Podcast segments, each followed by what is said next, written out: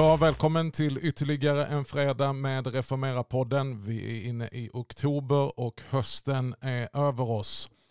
Eh, någonting som närmar sig som vi ska ta och eh, tala om idag det är våra förnyelse och fördjupningsdagar för präster, medarbetare, både anställda och ideella som vi arrangerar till stor glädje och hjälp för många eh, varje höst eh, från EFS med flera stycken samarbetspartners.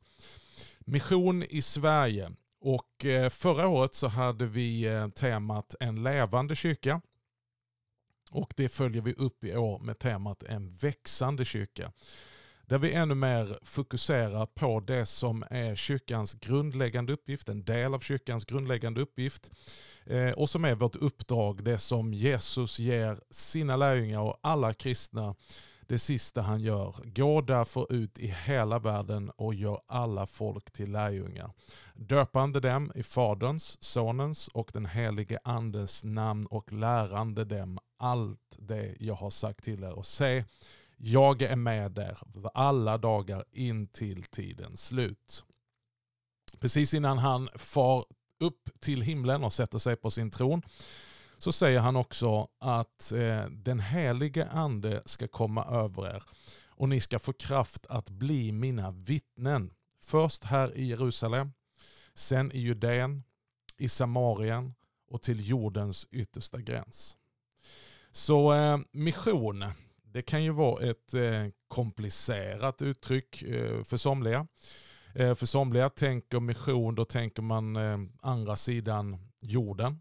Och det är helt riktigt. Det finns med. Men kanske vi i Sverige behöver tänka ännu mer andra sidan gatan.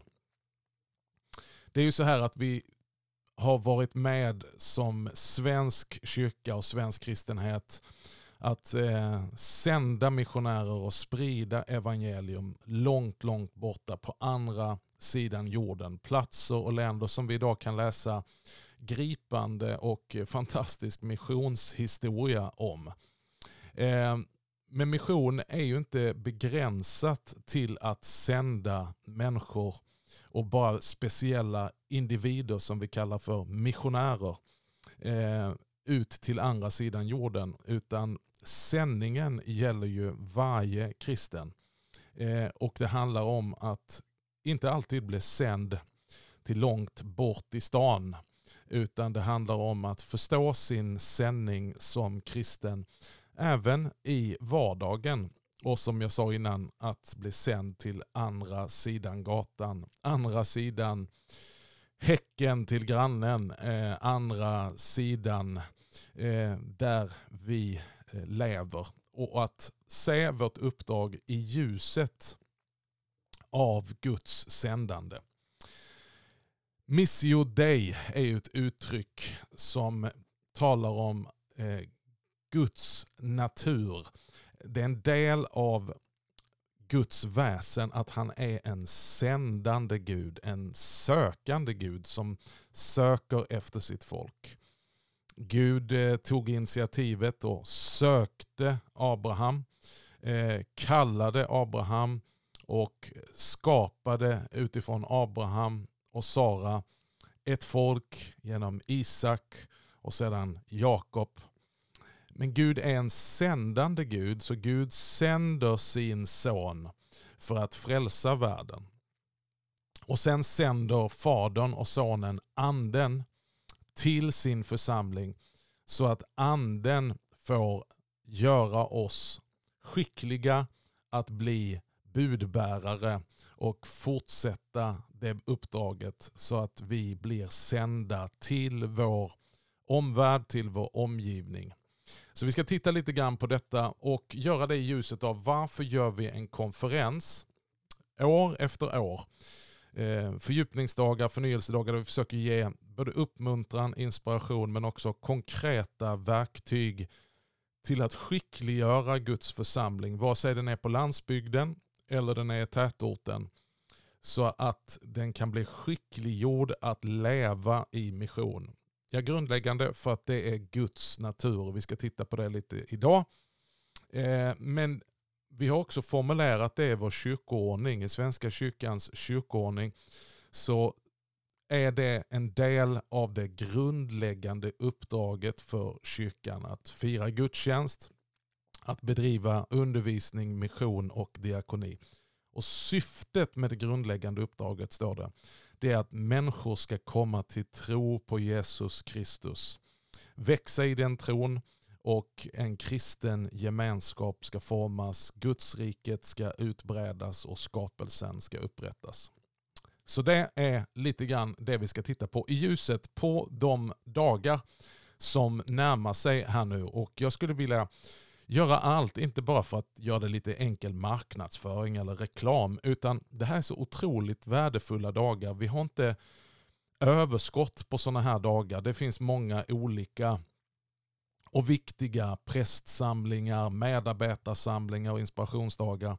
Men den här dagen är skräddarsydd för att väcka, inspirera, ingjuta hopp, eh, tala om aktuella berättelser och goda exempel men också att ge verktyg för vidare i processen som en lokal församling och kyrka att ännu mer eh, erövra det här som har med mission att göra.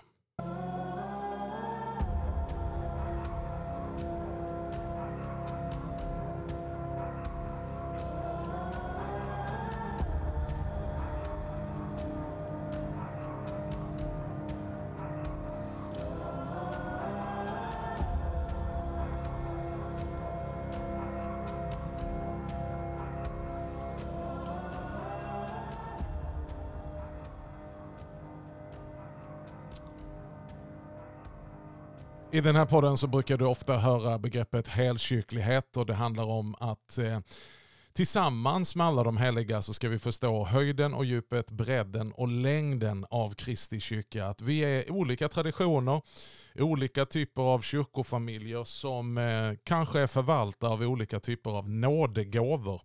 Vad betyder det då? Ja, olika gåvor som Gud har gett sin kyrka eh, och som man som en god förvaltare av denna nådegåva eh, förvaltar på ett sådant sätt att man förmedlar den till andra syster och bröder, till andra traditioner. Jag vågar nog påstå utan att ta munnen för full och, och att överdriva att en nådegåva som EFS eh, har fått som en inomkyrklig rörelse är just mission.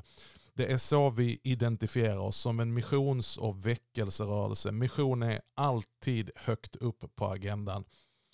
Det är svårt att vara med i någon eh, samling eller sammanhang i EFS. Alltifrån ett personalmöte eller en kort samling på kansliet eller på någon av våra gudstjänster eller konferenser där det inte lyfts det här med mission.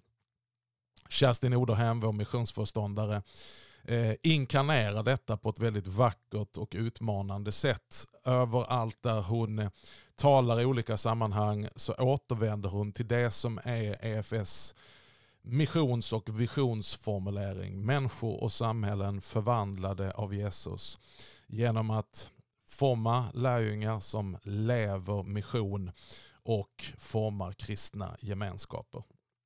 Med mission det, det ligger ju på Guds hjärta. Eh, mission det är egentligen inte någonting som vi tänker dyker upp i Nya Testamentet. Utan det här med att Guds hjärta sträcker sig över alla gränser, till varje plats, in i varje kultur, etnicitet, till varje språk och tungomål, ja, till alla folk. Det är ett genomgående tema som eh, präglar eh, hela Guds ord. Eh, vi kan läsa, och jag tar bara några exempel, redan i Josua 4 och 24. Alla folk på jorden ska veta hur stark Herrens hand är. Första krönikeboken 16.24 Förkunna hans ära bland alla hedna folk, bland alla folk hans under. Sen har vi en mängd olika sammanhang i Saltaren, Saltaren 67 och 4. Folken ska tacka dig. Gud, alla folk ska tacka dig. Psalm 72. Alla kungar ska falla ner för honom, alla folk ska tjäna honom. Psalm 96. förkunna hans ära bland hednafolken, bland alla folk hans under. Ja, så skulle vi kunna fortsätta. Men redan med inkarnationen av den preexisterade sonen, andra personen i treenigheten, när Jesus blir människa och eh, efter sin födelse bärs fram i eh, templet så eh, eh är, det, är det tydligt att detta är tema.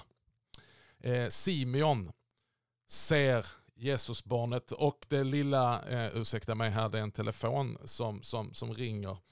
Eh, Simeon ser familjen, eh, det lilla Jesusbarnet och kommer fram med en profetisk hälsning. Eh, och eh, Det där är väldigt spännande att, att eh, se vad han säger. Han säger så här i Lukas andra kapitel. Mina ögon har sett din frälsning som du har berett för, lyssna nu, alla folk. Ett ljus med uppenbarelse för hedningarna och härlighet för ditt folk Israel. Så Simeon, han får se in i detta att det är inte bara en Messias som kommer för sitt folk så som man uppfattade sig i gamla förbundet, Israel som Guds folk, utan det här inkluderar även hedningarna. Så många profeter i gamla testamentet påpekade att eh, gudsfolket skulle bli ett ljus för alla hedna folk. Men detta talar Simeon ut över Jesus frälsaren.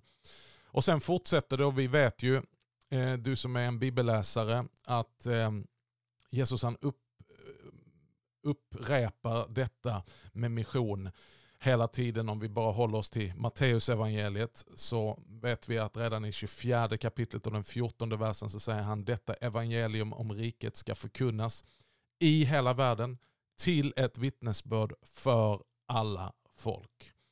Och sedan missionsbefallningen i Matteus 28 som jag redan har nämnt här i början av programmet. Och sen går vi vidare in i Markus evangeliet. Eh, det trettonde kapitlet, vers 10. Och så står det, men först måste evangeliet predikas för alla folk. Och det fortsätter. Det är så som eh, de första lärjungarna, apostlarna, uppfattar eh, sitt uppdrag och när Paulus beskriver till i Romarbrevets första kapitel hans uppdrag så säger han i femte versen Genom honom har vi fått nåd och apostlaämbete att föra människor av alla folk till trons lydnad. Ehm, och när vi får se in genom aposteln Johannes, in i framtiden, in i himlen, så säger han i Uppenbarelseboken kapitel 7, vers 9. Därefter såg jag och se en stor skara som ingen kunde räkna av alla folk och stammar och länder och språk. De stod inför tronen och inför lammet klädda i vita kläder och med palmblad i sina händer. Så det är ett tema som eh, fortsätter fram till Bibelns sista ord så som vi har den. I den sista versen i Uppenbarelseboken 22 så betonas det här med alla folk. Herren Jesu nåd vare med alla. Så Gud är en sökande Gud och en sändande Gud. Han sänder sin son för att frälsa världen. Sonen efter sin fullbordade gärning återvänder till himlen. Fadern och sonen sänder anden till församlingen och anden sänder församlingen ut som vittnen och det har tillhört varje kyrka genom hela kyrkohistorien att sända. Man skulle kunna säga att en biblisk församling det är en församling i ständig rörelse. Kyrkan har aldrig slått sig till ro, även om den kan stagnera, även om det finns perioder i kyrkans historia där den har varit lite på dekis. Den har kanske blivit deformerad, men då sänder Gud på nytt eh, sin förnyelse och sin väckelse för att reformera kyrkan, att återerövra det som är kyrkans väsen och så kommer kyrkan i rörelse. Och därför så kan vi här idag i Sverige tillbe Gud, eh, fröjda oss över den frälsning som vi har, att Gud har förbarmat sig över oss eh, och att hans sons liv, lidande, död, begravning, uppståndelse inte har gått till spillo utan den har räckts oss genom missionärer helt enkelt som kom till oss både från syd, från öst och från väst och en kyrka grundades i vårt land och nu har vi kyrkor nästan på varenda gathörn och i varenda kvarter, i varenda stadsdel och samhälle och sucken. Men kanske vi är vid en tillfälle i historien, i, på en plats där vi idag talar om ett postkristet samhälle. Att om vi drar tillbaka, eh, går tillbaka i tiden en hundra år sådär, så var nästan alla med i kyrkan. Eh, väldigt, eh, väldigt stor majoritet lät döpa sig, eh, gick på katekesundervisning, blev konfirmerade, kyrkan var en del av samhället.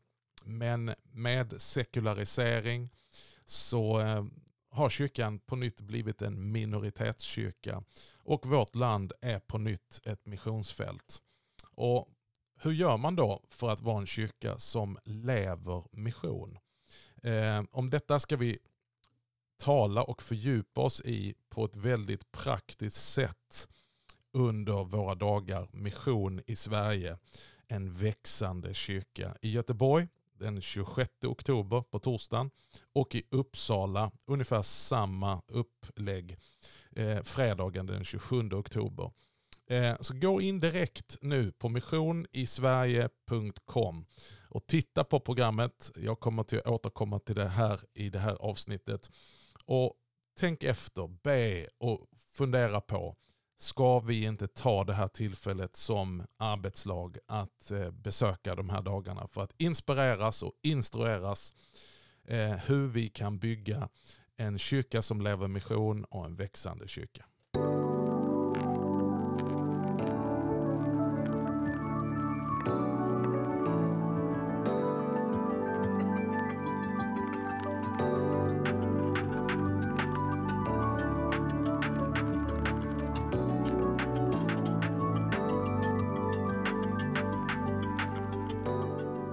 Kan ju uppfatta eh, kyrkans kännetecken och kyrkans natur på olika sätt och vis. Och genom olika tider så kan olika saker betonas. Men mission, det är ingen valbar grej så att man som kyrka kan säga att ja, men det där med mission det, det är inte någonting som vi betonar eller är intresserade av. Det känns så offensivt och man har kanske också stött på dåliga exempel på mission. Och förhoppningsvis så ska vi kunna lyfta upp under våra dagar i Göteborg och Uppsala 26 och 27 oktober. Eh, alternativa vägar till att leva i mission som varken är så komplicerade eller kräver exceptionella insatser och resurser eller väldigt eh, utåtriktade personer. Men vi behöver slå fast att mission det är en identitet, alltså något av kyrkans natur. Den kyrka som inte är missionerande, det är en dysfunktionell kyrka. Det kanske låter lite hårt, men man skulle kunna säga så här att en kyrka som inte lever i mission är inte riktigt sig själv. Den har blivit någonting annat av kanske olika skäl. Och därför så är det någonting som vi behöver eh, återerövra eftersom kyrkan är ju faktiskt ingenting annat än Kristi kropp. Kristus är huvudet för sin kropp och eh, huvudet koordinerar och vad ska man säga, präglar hela kroppen och, och styr kroppen. Kyrkan är inte någonting vid sidan om Kristus utan sådan som Kristus är, sådan är kyrkan.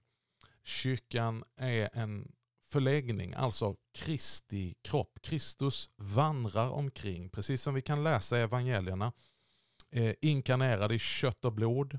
Eh, eh, där vi såg han kroppsligen närvarande in, genom inkarnationen, så fortsätter Kristus vara mitt ibland oss och verka genom sin kropp på jorden nu, men överallt.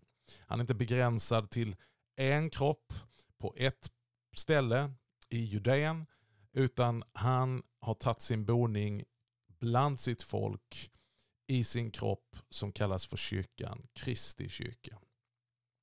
Och Jesus han sammanfattar själv sitt uppdrag med orden Människosonen har kommit för att söka upp och frälsa det som var förlorat. Lukas 19 och 10. Och han säger i Markus evangeliet, det tionde kapitlet, den 45 versen att Människosonen har inte kommit för att bli betjänad utan för att tjäna och ge sitt liv till lösen för många. Så sådan Kristus är, sådan är också kyrkan, Kristi kyrka. Så kyrkan är därför till sitt väsen både sänd som vittne om Guds frälsande kärleksgärning i Jesus Kristus och därigenom också sändande av sina medlemmar, lemmarna i kroppen, som vittne till detta evangelium. Och Det här uppdraget är ju inte begränsat, verkligen inte till anställda församlingsmedarbetare eller församlingsledare och präster. Utan det gäller alla medlemmar i Kristi kropp, i Kristi kyrka. Och vittnen, det är ju vittnen till evangelium och till Jesu Kristi frälsargärning. Det är alla de som har sett och hört. Petrus och Johannes utbrister, vi för vår del kan inte hålla tyst om vad vi har sett och hört. Det säger de i Apostlagärningarna 4 och 20. Man gör ju andra saker än att bara sända i kyrkan. Och jag brukar tala om liturgins fyra delar som en bra rytm för kyrkan. Det vill säga att man inte betonar en sak på bekostnad av någonting annat utan i helkyrklighetens väsen så ingår eh, alla delar istället för att man överbetonar en del på grund av någonting annat. Och ibland så skapar vi ju konflikter som är onödiga mellan till exempel en samlande kyrka eh, som är noga med att samla kyrkan, undervisa kyrkan, fördjupning och den sändande kyrkan, den missionärande kyrkan. Men om vi då tänker på det som med ett finare ord kallas för kyrka, eh, gudstjänstens ordo. Alltså ordningen för liturgin, kyrkans olika, gudstjänstens olika huvuddelar som har följt kyrkan genom hela historien. Så brukar vi tala om samling, ordet och bordet eller måltiden och sen sändning. Om vi låter det vara en eh, rytm som kyrkan lever i så blir inte samling på bekostnad av sändning. Utan samlingen leder allting till sändning. Hur vi än gör så slutar varje gudstjänst, varje mässa med en sändning. Och Det skulle vi ibland behöva påminna oss om. Vem är det då som blir sända i en gudstjänst? Ja, det är ju alla de som är där. Men det börjar alltså med samling. Vad är samling då? Jo, det är ungefär som när Jesus vandrade omkring här i sin kropp i Judeen, att han kallade människor. Samling är att Herren kallar och vi kommer. Herren bjuder oss att komma. Han kallar. Kyrkklockan ekar ut över samhället. Gudstjänsten börjar, processionen kommer och det som ett tåg som kommer Villigt kommer ditt folk när du samlar din här, säger Psaltarpsalmen. Så vi kommer. Och hur kommer vi då? Jo, vi kommer inför Gud i tillbedjan. Vi kommer med vår lovsång, men vi kommer också med vår söndrighet, vår brustenhet. Vi kommer med vår syndabekännelse. Vi bär fram dem vi är. Vi bekänner vår synd och, och vi får ta emot hans förlåtelse. Vi får tacka och vi får tillbe. Där någonstans börjar det. Eh, det börjar med att komma. Och sen så kommer vi till nästa del i gudstjänsten och det är ordet. Herren talar och vi lyssnar. Herren vill tala med oss. Han genom sitt ord som är levande och verksamt skänker oss inte bara förlåtelse utan liv, kraft, ger oss riktning, eh, och väcker vår tro, för tro kommer av predikan. Och vi blir undervisade i hans väsen, hans vägar och hans verk. Och sen blev vi bjudna till den tredje delen i gudstjänsten. Det är bordet, altaret, måltiden. Och vad händer där? Jo, Herren talar inte eh, bara utan Herren ger och vi får ta emot. Och sen kommer vi till denna del i gudstjänsten som alla har varit med om. Men tänk om vi skulle lyfta det, att där händer någonting fantastiskt. Att vi som nu har kommit för att Herren har kallat, vi som har lyssnat för att Herren har talat och vi som har fått ta emot Kristus själv och nu blivit bärare av honom för Herren har gett sig själv till oss i bröd och vin. Kristi kropp och Kristi blod. Vi är nu Kristus bärare och nu kommer någonting som nästan är ett crescendo. Det är egentligen inte slutet utan nu övergår mässan. Nu övergår det här till, till någonting väldigt konkret. Det är att Herren sänder oss och vi går. Och i den här sändningen så är det ju inte så att vi kommer på nya platser bara som vi ska gå till som är långt borta eller på andra sidan jorden. Eh, den kallelsen finns. Men varje kristen, varje lärjunge är kallade att leva i den sändningen. Ehm, så att det finns egentligen ingen spänning mellan kyrkans samlande och kyrkans sändande utan varje samling leder till sändning. Ehm, och därför är det onödigt att bygga in de här olika betoningarna mellan att bygga menigheten och driva missionen. Ehm, utan det ena leder till det andra. Så istället för att vi ska titta inåt eller titta utåt så är mitt förslag att vi skiftar perspektivet och tittar uppåt. Att se på Jesus och därför bli lika Jesus. Han som lämnade himlen för att komma hit till jorden för att söka upp och frälsa det som är förlorat. Eh, och hur kan då mission gå till? Ja, under våra fördjupningsdagar, Eh, mission i Sverige i Göteborg den 26 oktober och i Uppsala den eh, 27 oktober, så kommer vi till att tala om hur man skapar en miljö för en växande kyrka.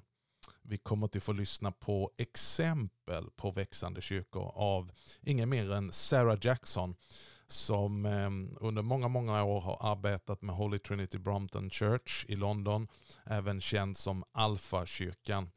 Men där har hon också ansvaret för det som kallas för Church Revitalization Trust. Där man har hjälpt eh, vad vi skulle kunna kalla för döende eller tumma kyrkor, både på landsbygd och i storstäder, att eh, hitta nytt liv och börja växa på nytt. Så hur skapar vi miljö för tillväxt? Kan vi få eh, uppmuntras av exempel från vår tid på tillväxt? Och sen så kommer vi till att lyssna på verktyg för tillväxt. Alltså försöka göra det väldigt konkret och peka på processer, verktyg och redskap som kan hjälpa vilken kyrka man än är, oavsett om man är stor eller liten, landsbygd eller tätort. Att här finns verktyg hur kyrkan ska kunna växa. Och sen kommer vi också att titta på ledarskap för tillväxt. Alltså hur leder man en kyrka till tillväxt och hur leder man i växt? Eh, det, det, det, krävs någonting för oss som är ansvariga av att eh, kanske titta lite grann på vårt ledarskap och istället för att vara utförare så kanske vi behöver fokusera på att bli möjliggörare istället för att vara eh, eh utomordentliga eh, präster och församlingsledare så kanske vi behöver fokusera på att vara utrustande, uppmuntrande och stödjande ledare och så vidare. Lite sådana här olika teman. Men det som jag tycker är liksom missionens och sändningens grundläggande nivå. Det är ju att röra sig med medvetenhet i det sammanhang där man redan står, finns, lever, verkar. Det vill säga i din vardag. Så ibland så blir mission världsmission. Men jag skulle vilja använda begreppet vardagsmission. Vardagsmission, det påminner lite grann om vardagsmotion. Jag vet inte hur det är med dig, men ibland när vi ska ta oss an vår kropp och vår hälsa och börja träna så kan vi ju spänna, spänna bågen lite hårt och sätta målen kanske lite högt. Och ett alternativ till det, det är ju att upptäcka vardagsmotionen. Alltså ta vara på de möjligheter som finns alldeles naturligt framför oss i vardagen där vi ändå lever. Att ta trapporna istället för hissen. Att promenera istället för att ta bussen. Att cykla istället för att ta bilen. Att lyfta och eh, på det viset få lite styrketräning i de enkla sakerna som finns där mitt i vardagen. Well, nog om träning och motion. Vardagsmission, det är ju att vara ett vittne i vardagen. Och så kan man säga att hela evangelieberättelsen börjar om vi tittar på den utifrån Johannes evangeliet. Då får vi se hur de första lärjungarna kommer till Jesus. Och Den första som har varit med och mött Jesus och blivit förundrad över Jesus, det är Andreas. Och så står det i vers 41 att när han sen gick hem från att ha varit en dag med Jesus så fann han först sin bror Simon och sa till honom Vi har funnit Messias. Det betyder Kristus, den smorde. Och han förde honom till Jesus. Och Jesus såg på honom och sa Du är Simon, Johannes son. Du ska heta Kefas, det betyder Petrus. Så det här är inspirerande i all sin enkelhet. Andreas har varit med Jesus och så kommer han den, till den han först möter alldeles naturligt. Han går inte till främlingar. Han åker inte till någon annan by utan han går hem. Hem. Och den första han stöter på är sin bror Simon. Ibland tror jag att vi missar missionens viktiga betydelse i det alldeles enkla och vardagliga den vi först naturligt stöter på. Och där ger han det enkla vittnesbördet. Wow, du fattar inte vad som har hänt idag. Det är som gamla testamentet, de gamla profeterna har profeterat om och talat om och lovat. Messias. Han har vi mött. Han finns här. Här mitt ibland oss. Och vi vet ju inte, det står inte hur Simon reagerar. Men Andreas för honom till Jesus det är lite grann så att jag ska dit imorgon igen. Vill du haka på? Det är allt han gör. Och när Andreas väl har tagit med Simon till Jesus, då tar Jesus hand om resten. Då är det Jesus själv som talar till Simon, ganska omvälvande. Det visar sig att Jesus redan vet vem han är. Och så är det. Jesus känner alla de som finns i vår omgivning. Han har dött och gett sitt liv för alla de som finns i vår omgivning. Han har en plan för alla de som finns i vår omgivning. Han känner deras inre, innersta tankar, deras frågor, deras olika eh, kamper. Och Jesus talar själv till Simon och resten är historia.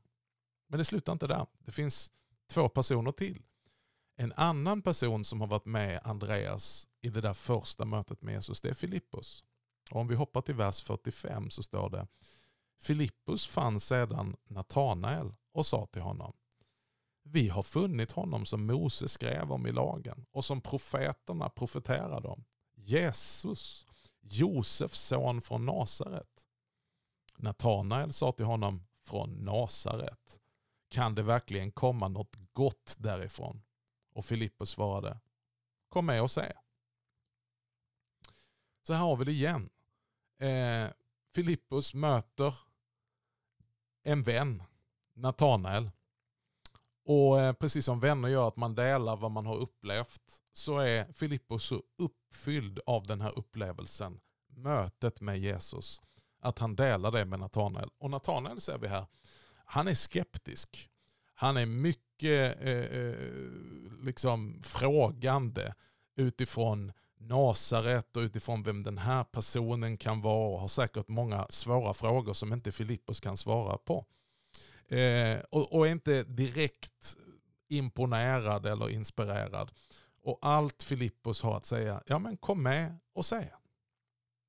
Alltså här har vi kokat ner det här med sändning och att leva mission till det absolut enklaste. Det är att vara ett vittne i sin vardag bland vänner. Behöver inte nödvändigtvis vara bland fullständigt främmande människor. Eh, eller att stå på gatan eller knacka på någons dörr.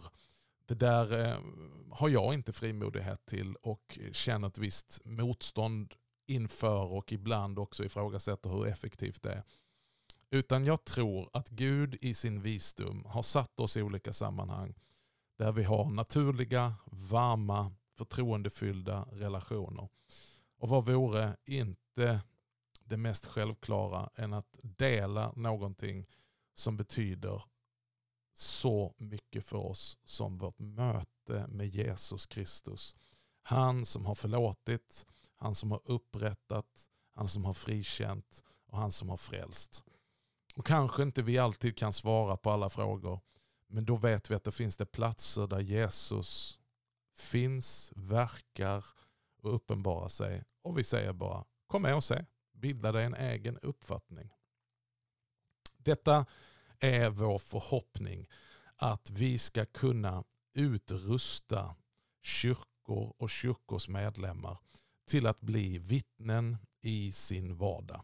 Så att vi kan återerövra det som är kyrkans grundläggande uppgift.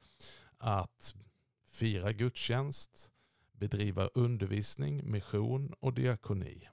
Det är vårt grundläggande uppdrag med ett syfte att människor ska komma till tro på Jesus, växa i tro, en kristen gemenskap formas, Guds rike utbredas och skapelsen upprättas. Vad fantastiskt att få vara med i detta. Så istället för att mission blir någonting som är komplicerat, som är tungt och som vi inte riktigt vet hur vi ska hantera. Välkommen till Mission i Sverige. Det här är verkligen de sista dagarna möjlighet att eh, anmäla sig. Kom till Göteborg den 26 oktober till Johannebergskyrkan där många samlade, både ideella medarbetare, anställda medarbetare, präster, kyrkoherdar diakoner.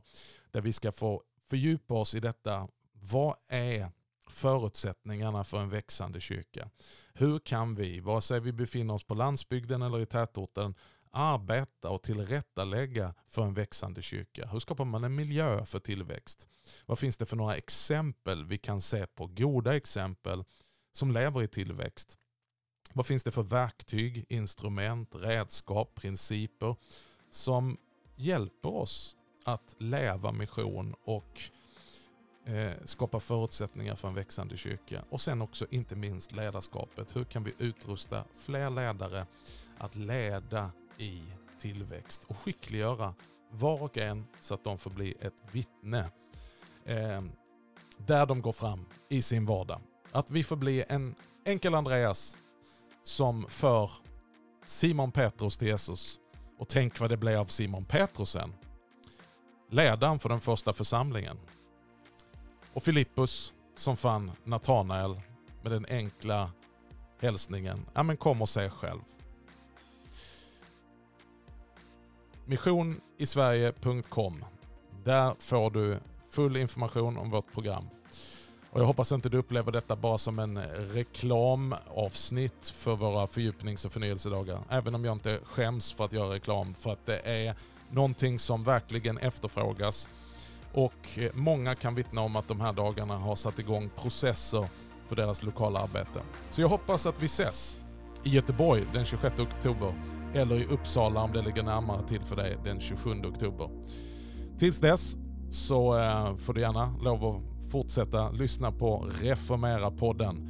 Vi är tillbaka nästa fredag. Guds rika välsignelse.